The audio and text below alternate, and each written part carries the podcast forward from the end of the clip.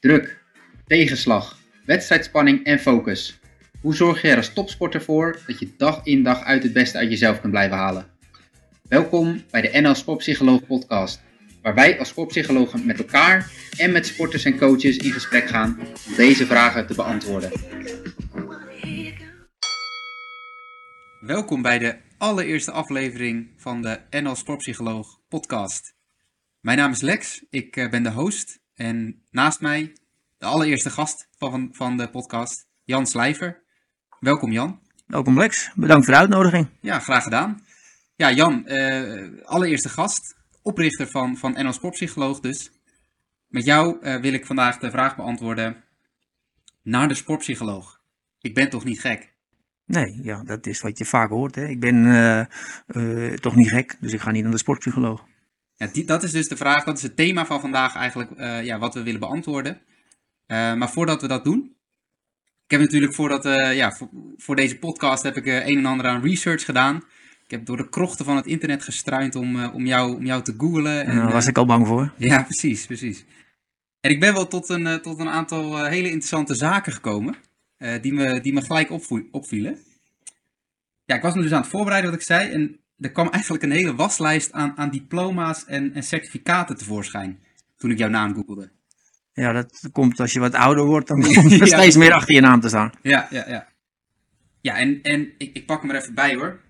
Eh, van, van mentaal trainer bij justitiepersoneel tot KNVB-coach, tot traditioneel Chinees, geneeskunde, tot het schrijven van het boek Mindboxing natuurlijk, waar we, waar we vast en zeker ook nog eh, over gaan hebben vandaag. En het ontwikkelen van de drie bat- batterijmethode, nog een belangrijk thema. Ja, ik weet niet of we, of we wel de tijd hebben om alles te behandelen vandaag, maar, maar, maar laten we eens bij, bij het begin beginnen. Ik dacht dat dit de eerste sessie van eh, zeven was of zo. Ja, precies. Ik denk, ik denk dat dat prima zou lukken. Ik denk dat we prima zeven podcasts met, met alle, allerlei facetten die, die jij... Nee, we houden het kort en krachtig. Laten we dat doen. Ja, dus laten we bij het begin beginnen. Jan, hoe ben jij met, met de sportpsychologie in aanraking gekomen? Nou, eigenlijk moet ik zeggen dat ik eh, altijd heel fysiek ingesteld was. Ik hield van sporten. Ik wilde eh, naar de sportacademie. En toen ging ik uiteindelijk ook, eh, is het ook gelukt.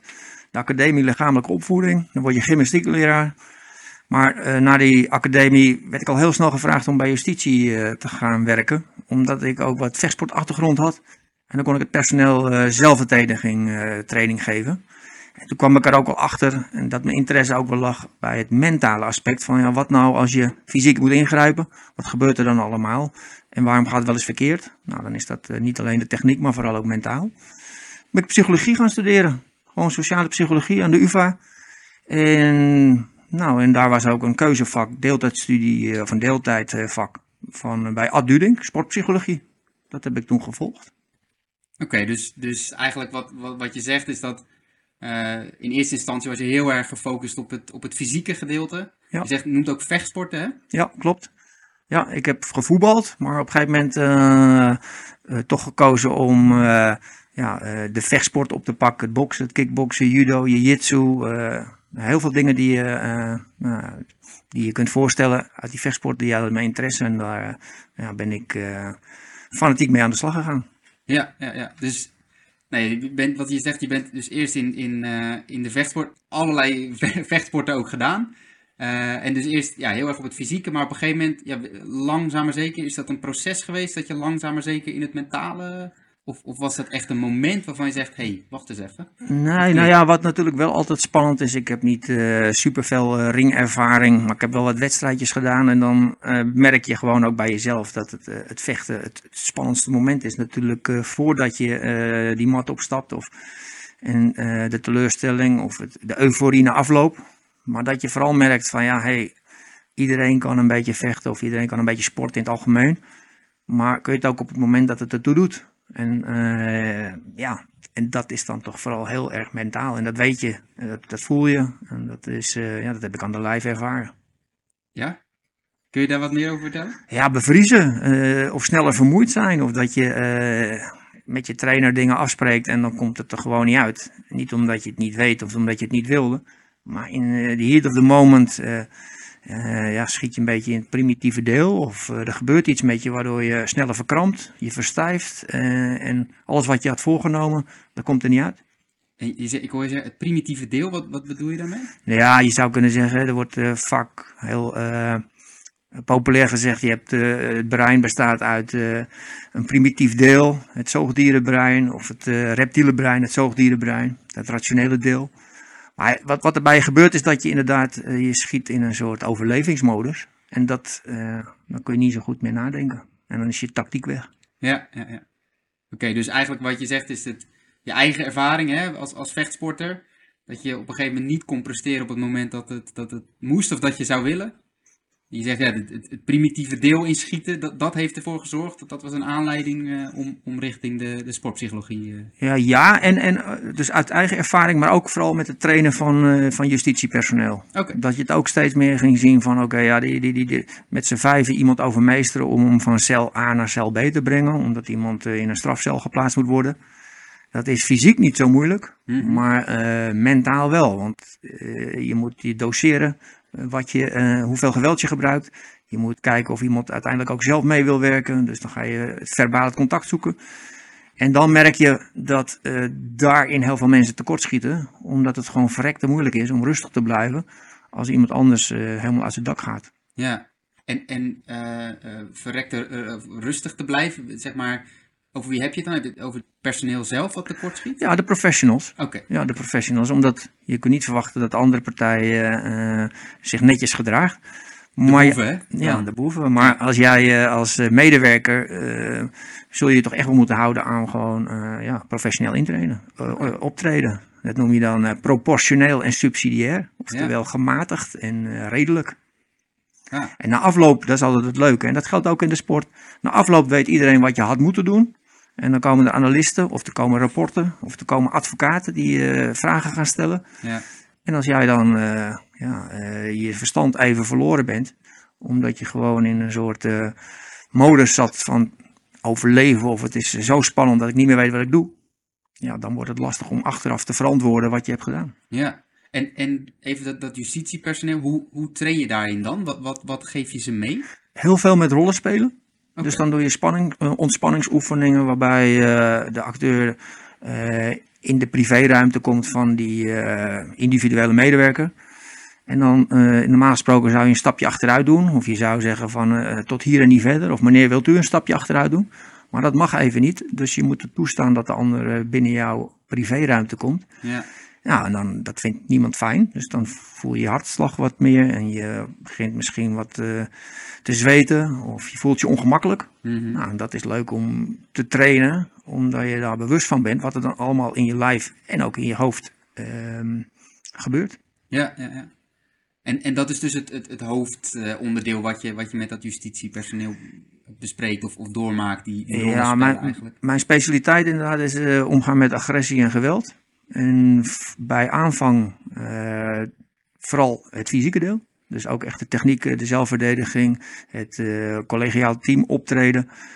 Ehm, maar uiteindelijk steeds meer het mentale welzijn en de mentale kant en het oplossen met woorden. Ja. ja.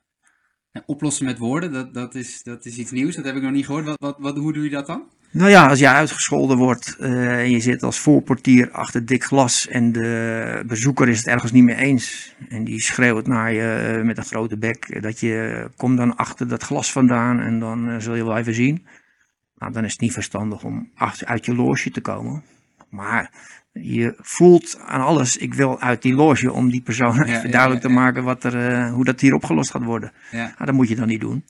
Dus dan kan je heel mooi trainen en aangeven dat je klantgericht blijft. En dat zeker ook eh, tegenwoordig als eh, beelden worden opgenomen, hè, de telefoontjes. Dat je je dan eh, ook even realiseert van ja, alles wat ik nu zeg en doe, dat zou wel eens op internet terecht kunnen komen. oké.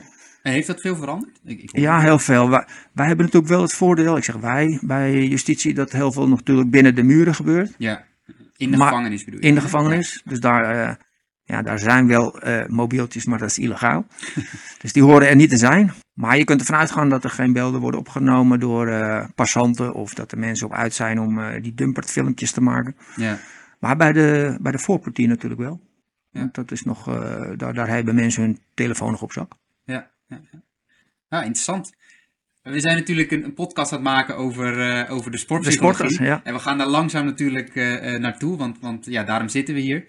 Ehm, maar voordat we dat doen, ik, wat, waar ik nog wel erg, erg benieuwd naar ben, is je, je hebt ook eh, traditioneel Chinese geneeskunde eh, gestudeerd. En, en ik geloof dat je, dat je daar ook nog altijd eh, ja, dingen mee doet, hè? Ja, dat klopt. Dat is, dat, dat is door, de, door de vechtsport eigenlijk gebeurd. Dat ik steeds meer interesse kreeg in de martial arts, de krijgskunst. En dan vooral vanuit het Japanse en het Chinese. En ja, meesters die vertelden wel het een en ander. Maar dat was dan altijd eh, toch een beetje geheimzinnig. En ja, je begreep het niet helemaal. En mijn interesse lag er ook nog niet. Want ja, eh, iets met chi of... eh, daar had ik niet zoveel mee. Maar dan komt de leeftijd een beetje om de hoek kijken en dan ga je daarin wel interesseren. En dan zie je dat er ook mensen zijn die ja, hele bijzondere dingen doen met denkkracht en sterk op hun benen staan. Dus toen dacht ik, nou, ik, eh, ik, ga, ik pak die studie traditionele Chinese gezondheid op. Ja, dus Om- toen je wat rustiger werd, toen, eh, toen stond je daar wat meer voor open. Ja, mijn mindcards noem ik dat. Hè. Oh, ja. Mijn mindcards waren er nog niet voor open toen ik eh, onder de 30 was. Ja. Want dan ben je ook fysiek nog zo sterk en dan heb je weinig behoefte, eh, in ieder geval in mijn geval, om je bezig te houden met dingen die je dan zweverig noemt. Ja, en weet je, Mindguards, wat, wat, wat is dat?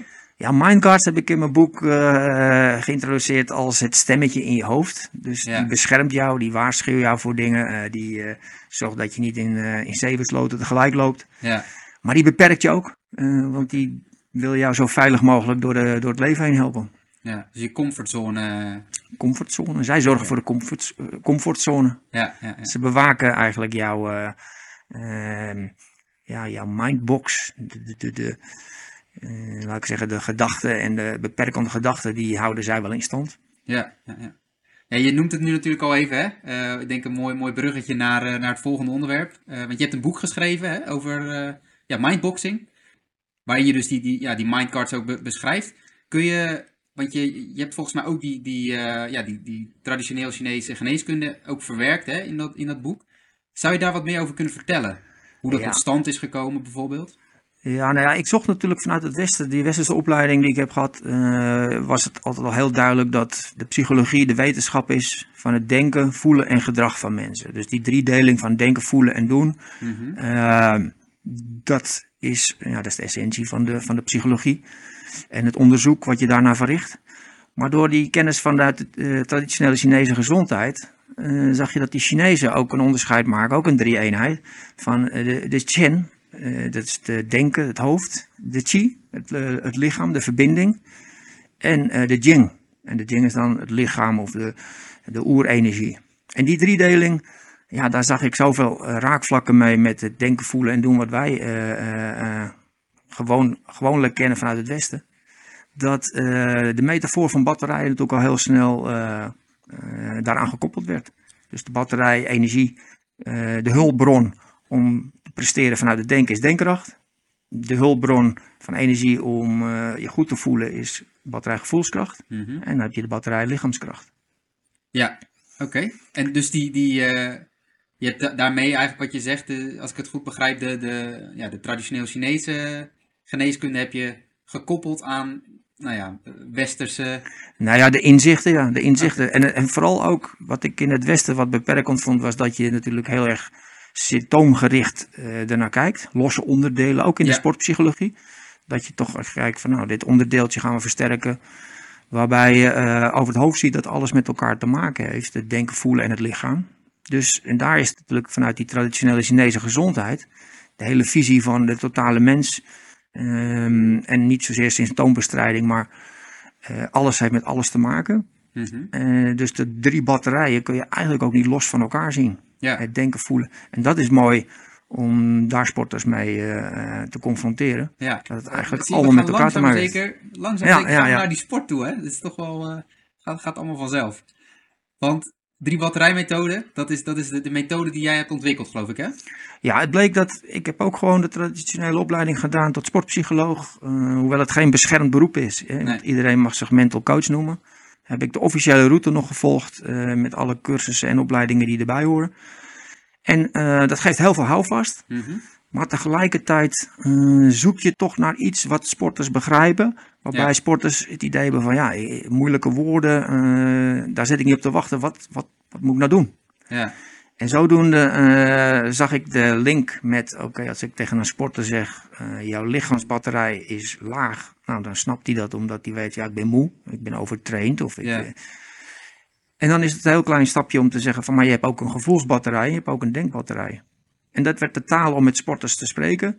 En dat sloeg eh, heel goed aan, waardoor er ook collega's in het land eh, zoiets hadden van, ja, wat doet die man daar eigenlijk? En eh dat is wel een handige tool om te gebruiken. ja, En zo is dat platform NL Sportpsycholoog ontstaan. ja.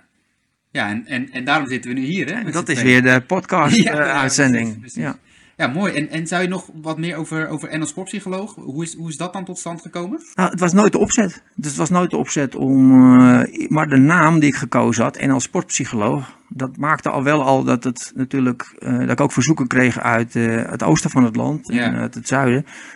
En dat, ik, dat die mensen de qua reistijd dat niet konden overbruggen. Ja, Dus was het al heel snel het idee van, nou dan verwijs ik het door naar een collega. ja precies. En op een gegeven moment werd dat natuurlijk ook interessant om te zeggen, ja, maar dan moet die collega ook wel de drie batterijen methode gebruiken. Ja, ja. En als hij die gaat gebruiken, ja, dan moeten we met elkaar eh, daar afspraken over maken. Ja. En even voor de luisteraar, eh NL Sportpsycholoog, hè, we zijn, we zijn eh, met, ik denk, acht of negen partners. eh, Ja, En eigenlijk door, door heel het land eh, zitten we verspreid. Dus, dus ook voor de sporter die, die op zoek is naar, een, naar een, een sportpsycholoog bij hem of haar in de buurt. eh, ja, die, die kan bij, bij, eh, bij ons terecht, hè? ja nee, dat is natuurlijk eh, het mooie van het concept. Je bent landelijk eh, met elkaar, eh, draag je het uit en ben je ook eh, vindbaar. Ja, Hoewel eh, tegenwoordig ook online, er zijn een paar collega's die ook online eh, heel actief zijn. En daar, ehm, ben ik er zelf eentje van. Ja, en dat is natuurlijk nog makkelijker dat als je op trainingskamp zit of je zit echt in het buitenland en je hoort deze podcast. Ja. eh, en je bent gewoon Nederlander, dan, eh, of je spreekt de Nederlandse taal, dan ben je natuurlijk eh, welkom om eh, online ook eh, aan de slag te gaan. Ja, mooi. Ja, wat ik zei, hè, de, de, het thema van de dag eh, van, van, de, van de podcast vandaag is naar de sportpsycholoog. Ik ben toch niet gek? Ja, En daar zullen we zo meteen eh, antwoord op, eh, op proberen te vinden samen met jou. Maar voordat we daar naartoe gaan, wil ik eerst nog eventjes ja, jou, jouw favoriete sportmoment ooit met je bespreken. Dat is een, een rubriekje die we erin hebben gegooid. ja. Daar ben ik wel heel benieuwd naar. Ja dat is, dat is een lastige. Je Ehm, zit er al lang in het, in het vak, denk ik, hè? Ja, nou, wat wel een leuk, ja, wat een favoriet moment is wel, eh, denk ik, eh, EK-finale 1988. Dat, kan, Eh, dat is, eh, dat, dat, dat heeft... eh, Dat is raar, dat is dus voor veel luisteraars. eh, ja, dat is ver in de vorige eeuw, sorry. maar eh, ik was toen, eh, ik zat toen net op de sportacademie en toen besloten we met vrienden toen het Nederlands elftal, het gaat over voetbal natuurlijk, ja, ja. eh, de finale haalden. En toen hadden wij met zoiets, wij wilden bij die finale zijn, dat was in München. Oké. En toen zei iemand, nou we gaan er gewoon naartoe. We hebben geen kaarten, maar die Duitsers zijn uitgeschakeld. Dus waarschijnlijk op de zwarte markt zijn heus wel wat kaarten te krijgen. Dus wij zijn in een auto twee dagen later in de auto gesprongen, naar München gereden. En eh, inderdaad hebben we op de zwarte markt nog tegen acceptabele prijzen kaarten kunnen krijgen. En toen zaten we achter het doel, en daar gaat het natuurlijk om, het moment dat Van Basten die, volleybal, die volley erin eh, knalt. Die, ik bedoel, ik was, ik was min vijf jaar op dat moment, maar nou ja, die beelden die zijn natuurlijk, eh, die staan ook bij mij op, op, op het netvlies. Ja, het was zo'n ongeloof. En ik denk dat de impact waarom ik dit moment kies is ook omdat ik, omdat ik achter, die doel zat, omdat ik achter het doel zat. Dus het hele idee van, eh, ja, ik was erbij. Ja, en eh, we gingen er naartoe vanuit, nou ja, eigenlijk een opwelling. Ja, ja, Alles bij elkaar maakte dat een onvergetelijk moment. Ja. ja, daar kan ik me wel iets bij voorstellen, ja. Kun je daar iets over, over kwijt, dat moment? Kan, wat, wat, Nou ja, eh, we, we keken elkaar zo aan van, zit die bal er nou in? Ja, hij zit erin. Maar dat, dat kan niet. dat is gewoon... van die hoek? En eh, volgens mij, het was 2-0 volgens mij. Dat was Ja. het ook meteen klaar. Dus toen eh, had je zoiets van, ja, we, we worden Europees kampioen. Ja. Maar- en, en toen zaten we alweer te denken, dan moeten we snel naar huis. Want we moeten natuurlijk het feest in Amsterdam eh, en ja, voor Nederland, maar we moeten het niet missen. Nee, precies. Ja, mooi. Goeie anekdote zeg. Ja, was leuk. Ja, en dan heb ik nog een. eh, dit, was, dit was jouw favoriete sportmoment ooit. Ik denk dat het voor, voor, voor veel mensen eh, inderdaad eh, het sportmoment van, van Nederland misschien wel, wel is. Ja, het is een klassieker. Ja, precies. En voor, nou ja, voor de afgelopen tijd, hè, er, is, er is altijd wel, wel iets te beleven in de sportwereld. als je denkt aan de afgelopen tijd, wat, wat is daarin jou opgevallen aan, aan sportnieuws? Wat, wat is je bijgebleven? Ja, ik volg wel het een en ander natuurlijk, maar waar, waar we nu in zitten is natuurlijk, ja, vind ik, Femke Bol. Gewoon legendarisch. eh, Wat die nu op dit moment allemaal laat zien. eh, met de bijnaam Bambi vind ik fantastisch. Ja, ja, ja, ja. Dat is in die Diamond League volgens mij al eh 10, 20 eh, keer ongeslagen. en dat je dan nou ja, internationaal al die anderen eruit sprint. En met zo'n estafette gewoon nog eventjes de boel recht trekt. Ja, dat is ongelooflijk. Ja, het was een fenomenale eindsprint, hè? Die, Ja. eh, die ze daar... eh, Ja, dat is genieten. Ja, Maar ook het type en het mens. En ook gewoon dat je dat, eh, ja, zo'n Hollands meisje, blond, eh, dun dingetje. Die dan tussen die eh, dames staan die eh, qua spiermassa twee keer zo groot zijn. Dat je denkt van, wat doet dat meisje daar? En dan, eh, dan laat ze het even zien wie de baas is. ja prachtig. En, en denk je dat je daar als, als sportpsycholoog ook nog anders naar kijkt dan, dan de gemiddelde Nederlander? Ja, ik moet je eerlijk zeggen dat ik me ook verbaas. Ik denk, wat gaat er in dat hoofd van Ja, dat ja. eh, kind? Misschien eh, zeg ik het wat oneerbiedig, maar eh, wat gaat daarin om? Maar ze doet iets wel verschrikkelijks goed. Ja, En nou, zolang ze in die flow zit, niet mee bemoeien. Nee, gewoon precies. laten rennen. Ja, ja, ja, niet te veel nadenken. Nee, absoluut. Ja, ja, want ik herken het ook wel. Je, je hebt ook inderdaad veel sporters die nog zo'n beetje zo, wat je ook zegt, hè, Bambi, nog een beetje in die, in die, ja, in die dartelfase zitten. En op een gegeven moment zie je vaak dat ze later in hun carrière daar toch wel, wel, wel weer wat meer last van krijgen. Ja, er komt een moment natuurlijk dat het even minder gaat. En Ja. dat is bij de meeste sporters is dat dan al iets eerder. Na een groot toernooi win je. We hebben, eh, de Schippers is natuurlijk ook fantastische prestaties neergelegd. Ja. Maar die krijgt wat blessures en die krijgt eh, eh, allerlei randvoorwaardelijke zaken waardoor het toch moeilijk wordt om dat te herhalen. Ja, En dat doet niets eh, eh, tekort aan wat ze heeft laten zien. Nee, dat nee. is natuurlijk ook geweldig. Maar om zo lang op dat niveau elke keer weer eh, die prestatie neer te zetten. Ja, dat is, dat is, nou, dat is voor mij eh, voor dit jaar wel het, eh, het hoogtepunt. Ja, mooi. Mooie, mooie momenten, denk ik. Ja, laten we dan nu eh, teruggaan naar, naar de vraag, hè. Naar de sportpsycholoog. Ik ben toch niet gek? Ja. Jan, kun je mij vertellen wanneer iemand naar de sportpsycholoog moet? Of, of zou moeten gaan? Dat is het, denk ik, hè? Ja, nou, nou het, is, het, het, het leuke is dat eh, ja, die, die ondertitel zo mooi is. Van, eh, ja, ik ben toch niet gek, omdat dat het wel het clichébeeld is van, ja, wanneer ga je naar een sportpsycholoog? Ja, Mensen denken of ja, dat is, dat is niet voor mij, dat is, of het is voor topsporters. Ja. Ja, maar eh, ik denk dat elke wedstrijdsporter die in het hoogste amateurteam of waar dan ook wil e- excelleren, Mhm. eh, vanzelfsprekend zich bezighoudt met eh, fysieke training. En op het moment dat eh, je alles fysiek getraind hebt en je gaat op tijd naar bed en je doet er alles aan om je sport op een zo goed mogelijke manier uit te voeren, dat het gek is dat je niet automatisch ook denkt van, ja, maar die mindset en dat gevoel, die emoties en dat, en dat gedrag, dus, ja, die moet ik ook trainen. ja, En, en daar zijn wij voor, om de- je beste prestatie neer te zetten, de beste versie van jezelf te laten zien. En dus niet wachten totdat je eh, mentaal in de knoop zit. Dat is wat toch vaak het beeld is van de sportpsychologie. ja. Ja, als, als niks meer werkt, ja, dan moet je misschien eens, eh, toch eens naar iemand toe gaan die eh, tussen jouw oren op zoek kan gaan naar problemen. Ja, ja, ja. Dus, dus voordat die problemen eigenlijk nou, op, op beginnen te borrelen, zeg jij, dan moet je al als wedstrijdsporter, zeg je net, hè? Ik vind dat wedstrijdsporters en je zou zelfs ook kinderen die eh, misschien wel nog, eh, nog niet eens de puberteitsleeftijd hebben bereikt, maar nog Mhm. eh, jong talentje zijn. Dan denk ik zeker aan, aan turnsters, eh, waarbij je toch al op jonge leeftijd al eh, heel wat trainingsuren maakt. Mhm. En dan moet je het al combineren met school en later met studie. En de verwachtingen gaan omhoog. En, en dan verwacht je allemaal maar dat, eh, dat zijn toch kinderen hè, tussen de 14 en de 18, dat dat allemaal maar vanzelf gaat. Mhm. eh, als ze maar hard trainen. Dus ja, mijn, eh, mijn, mijn, mijn quote is eigenlijk altijd eh, van train niet steeds harder en harder, maar steeds slimmer en slimmer. Ja. Nou ja, en dan eh, is slimmer voor mij ook het trainen van je denken en je voelen. Oké. Denken en voelen, dat is, dat is slimmer trainen. Hoe, hoe doe je dat? Absoluut. Nou ja, dat is waar wij als sportpsycholoog dan de spiegel voor houden. Van, nou, ben je nou de topsporter? Ben je het talent? Wie is de persoon? Hè, dus het wordt steeds moeilijker om je sportprestaties lo- los te koppelen van de persoon die je bent. Ja, En dat is al een heel mooi begin om eens met een sportpsycholoog te praten. Om dat nou ja, alles in je omgeving, of het nou misschien zelfs je vader, moeder of je vrienden of je kennissen. Het eerste wat ze vragen is: van, heb je gewonnen? Of eh, Ja. eh, het ging goed of het ging niet goed? Of, dan heb je nog de, de gekke social media erbij natuurlijk. Dat eh, alles heeft een mening over jou. En je, Ja. je, je opent je telefoon en je wordt bedolven, met eh, allerlei opmerkingen. Sorry. Nou, eh, hoe, hoe ga je daar allemaal mee om? Dat doet iets met de mens tussen de, oren, maar ook het gevoel. Dus dan eh, ga je daar in ieder geval met de sporter eens over hebben. ja. Dus, dus slimmer, slimmer trainen, slimmer presteren is eigenlijk luisteren naar, naar je gevoel en, en ook bedenken, als ik, als ik je goed samenvat, bedenken ja, wie jij nog meer bent naast de sporter. Ja, ik denk dat het vertrekpunt eerst is van iedereen heeft een beeld van jou dat je onoverwinnelijk bent of dat, Ja. eh, alles, dat je alles maar moet kunnen. Mhm. Misschien heb je het beeld van jezelf ook, want de meeste topsporters eh, zijn toch ook wel perfectionisten. Ze leggen de lat altijd hoger. Dus dat is, dat is een mooie eigenschap.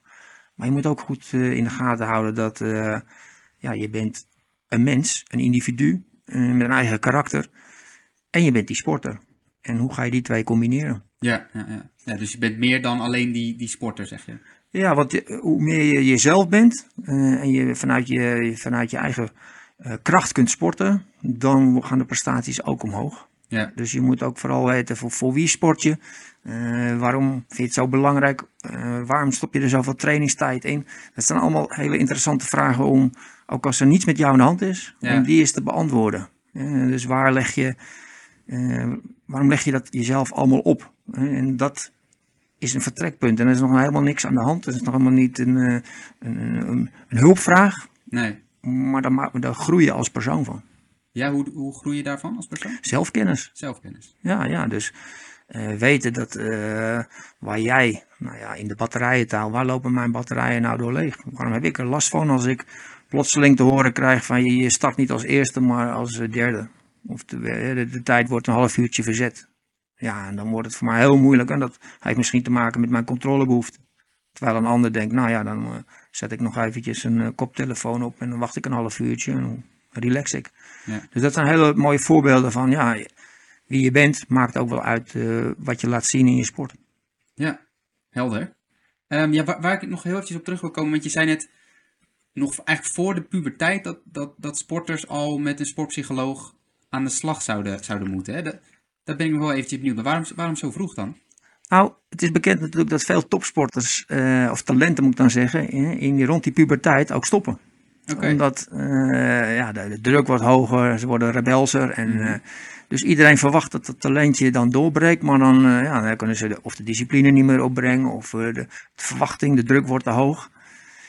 En dat heeft deels te maken. Ik ben er niet, eh, ik ben niet degene die zegt eh, iedereen moet eh, topsporter worden. Of talenten moeten altijd doorgaan.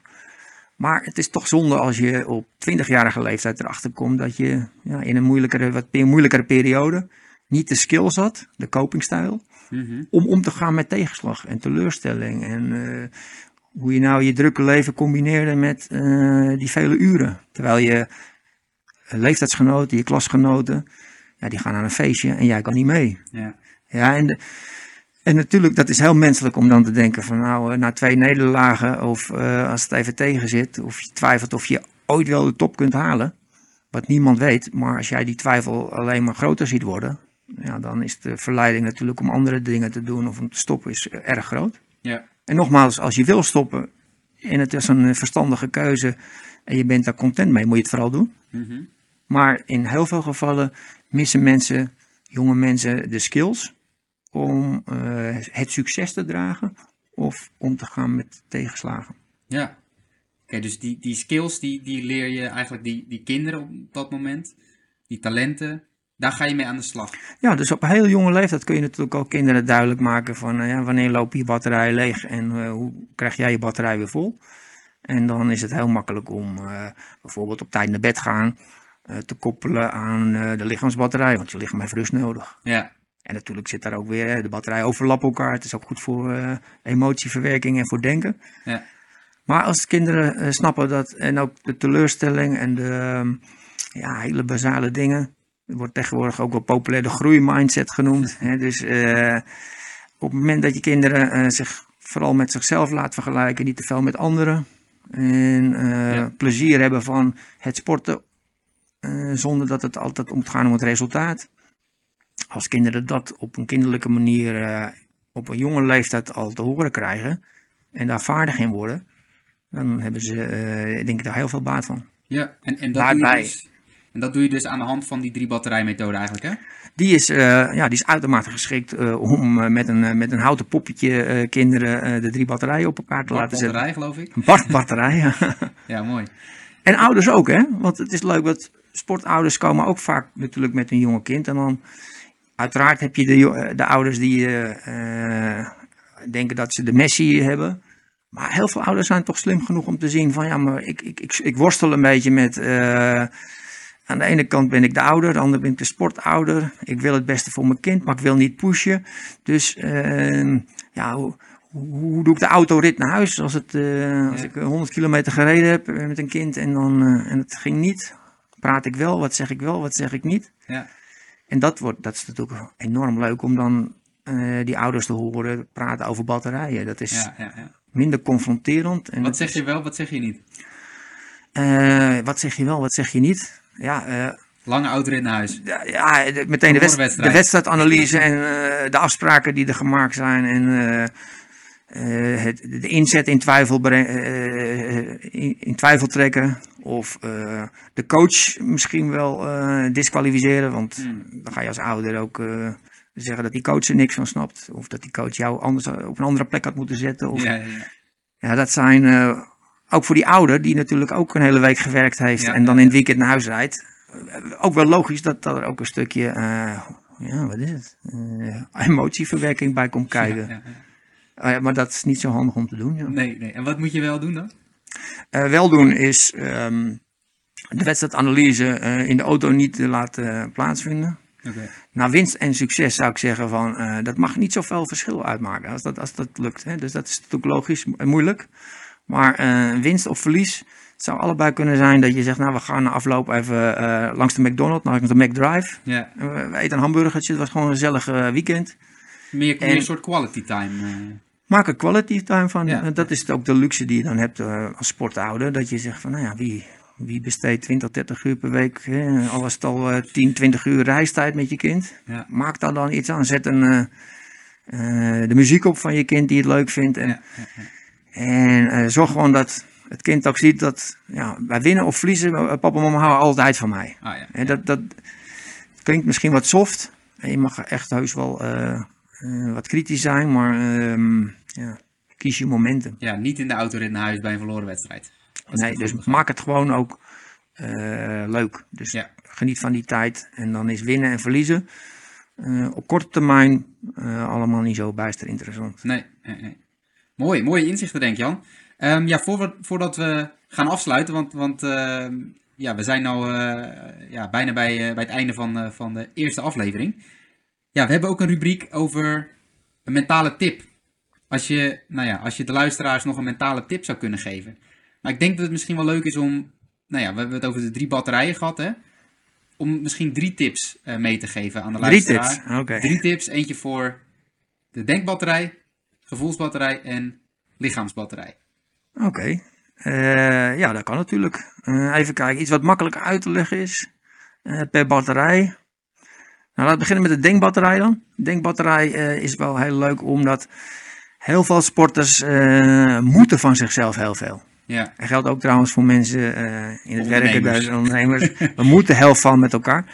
Dus ik, ik, ik, haal vaak het grapje uit met sporters dat ik iets heb uitgelegd over mindset. En dan, als ze dan opstaan, zeg ik, wanneer moet je weer trainen?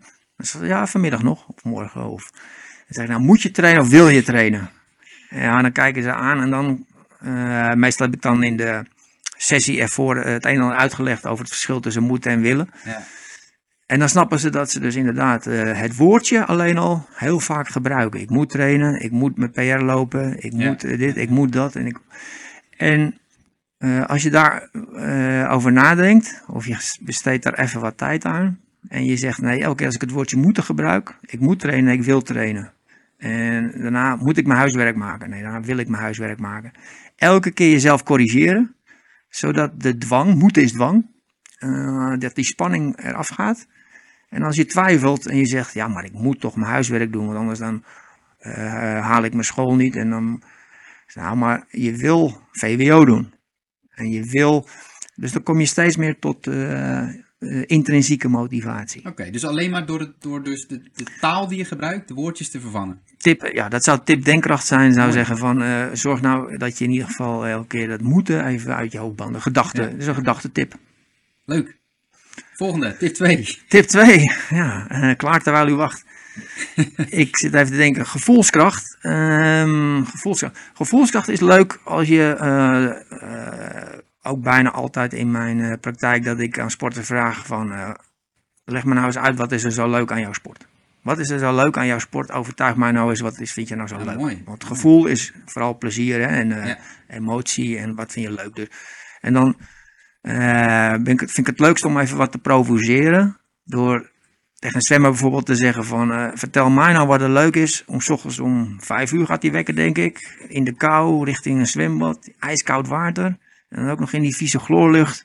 eh, heen en weer te zwemmen in een eh 50 meter bad. Ja, Ja, ik- dat snap ik niet. Nou, en dan prikkel je de mensen en dan is het natuurlijk Ja, eh, leuk. En dan, het doel is natuurlijk om die passie te ontdekken van, ja, maar wat jij niet snapt, is dat als ik daar aankom en het water is als een spiegel zo glad. en als eerste, en dan kom ik uit het bad, ben ik helemaal fit. En dan loop ik zo naar huis of ik fiets naar huis en dan zie ik al die mensen die nog slaperig zijn. En dan, heerlijk, maar ik ben al helemaal opge... Ja. Koning van de wereld. Koning van de wereld. ja, perfect. Ja, en en dat, is, dat is leuk, omdat dat dan ook de essentie van het spelletje wat je aan het doen bent weergeeft. En dat je elke keer denkt van ja, maar eh, of ik nou wel of niet een PR zwem, of, ik, eh, of het loopt allemaal heel soepel. Ik doe wel wat ik hartstikke leuk vind. Ja, En, en kinderen hebben dat van nature, want die doen het spelletje. Ja. Maar hoe ouder je wordt, moet je die beginnersgeest vasthouden. En je moet elke keer weer denken, ja, maar voetballen deed ik met vriendjes op het plein. Dat was hartstikke leuk. Ja. En, en dat doe ik nog steeds, want ik vind die trainingen leuk. Ik moet niet naar mijn training, maar ik vind het zo eh, ontzettend leuk. Ja. ja, leuk. Mooi, goede tips denk ik. We hebben er nog eentje. Ja, die derde. Ik zat al te denken, ja. Eh, lichaamsbatterijen. Lichaamsbatterij is, eh, even los van iets vertellen over ademhaling, buikademhaling en hoe belangrijk ademhaling is. heb ik een oefening die, die heet staan, stilstaan. En de opdracht is om elke dag even stil te staan. Maar dan letterlijk en figuurlijk. Dus je moet gewoon eh, even stilstaan en niks doen. En dan mag je wat meer letten op je, op je, bijvoorbeeld op je ademhaling. Ja. Maar om die lichaamssignalen te ontdekken en wat er allemaal in dat lichaam gebeurt als je even niks doet. Dus eh, er zit het mentale aspect wat erbij komt, is natuurlijk dat je even pas op de plaats maakt. Letterlijk en figuurlijk, dus je, je geeft jezelf even rust. Maar de fysieke rust van even helemaal niets doen, even staan. En eh, bij voorkeur ook als het kan, als het weer het toelaat buiten. Dan hoor je misschien nog een vogeltje fluiten. Je zet al die zintuigen open. Je voelt dat je in de wind staat. eh, je bent even in het, helemaal in het hier en nu.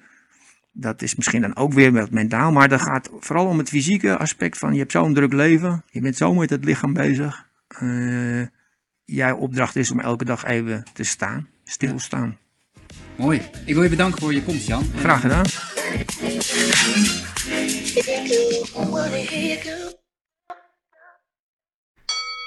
Dit was de allereerste NL Sportpsycholoog podcast.